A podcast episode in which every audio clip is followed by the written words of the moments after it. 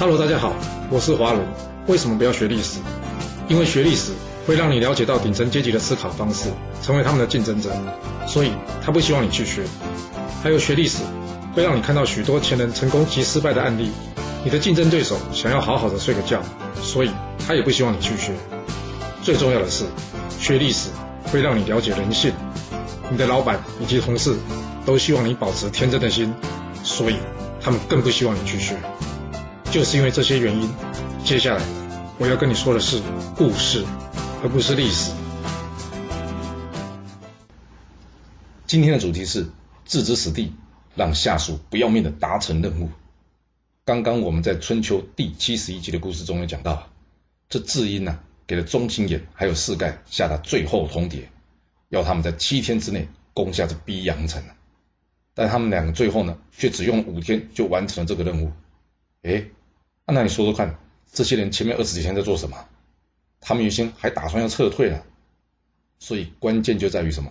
这智英到底是用了什么方法，让他们完成这项艰难的工作？真的只是单纯的跟他们说，你们七天攻不下来，我就杀了你们吗？这样就能让他们拼死向前？千万别把问题看得这么简单啊！因为这两个人又不是没有其他选择，他们两个还有什么选择？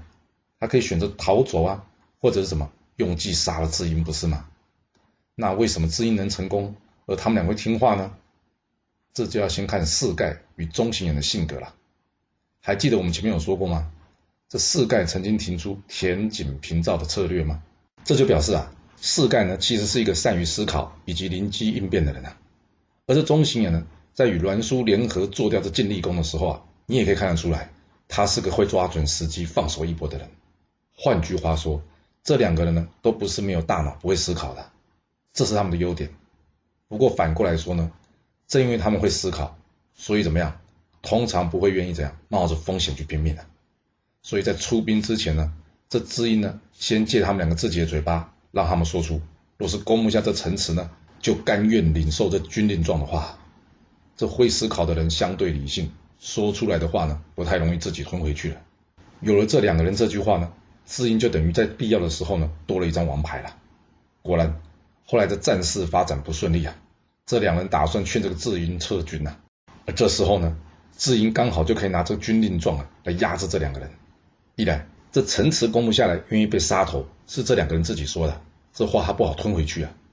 二来，也只有这样才能激发出这两人潜力啊。当然了，我猜这智英呢，应该还有一个我们一般人都看不到的能力，那就是什么？世人，或者是说判断大局。若是他没有把握这两个人或是联军的能力呢，有办法拿下这城池，他这军令一旦下去啊，只是让自己从无法胜利变成了大败。那有谁会去干这种损人不利己的事呢？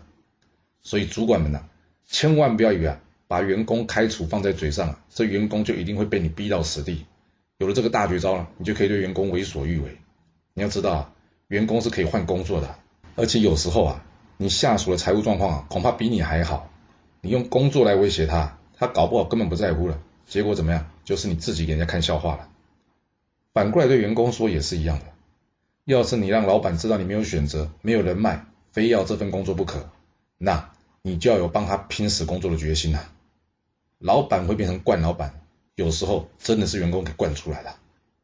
这是我个人的经验啊。我通常会让老板知道我的交友状况不错。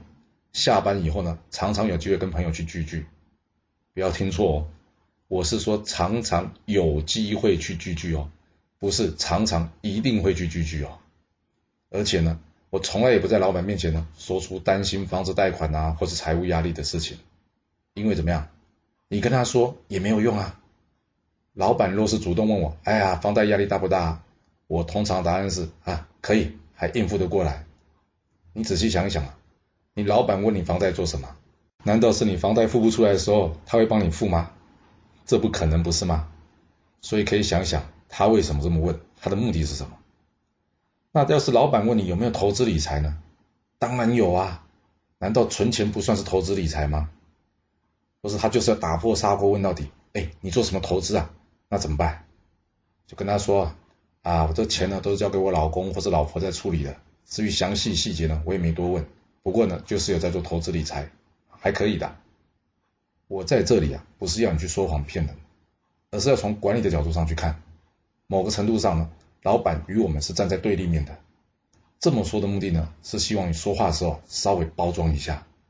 一个不思考、有话直说的人啊，有的时候呢，就像是在别人面前脱光了衣服，让对方看清楚自己一样。你说是吧？若您有其他的想法，也欢迎留言分享您的看法给大家哦。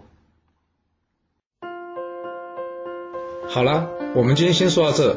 如果你就是不听我的劝，想知道完整版的故事内容，你可以从说明栏找到我爱故事频道的连结。不过记住哦，你是来听故事的，而不是来学历史的。要是您喜欢这个频道，麻烦您动动您的手指，追踪、留言，或是给我五星评价的支持以及分享。谢谢您来收听，我们下次再见。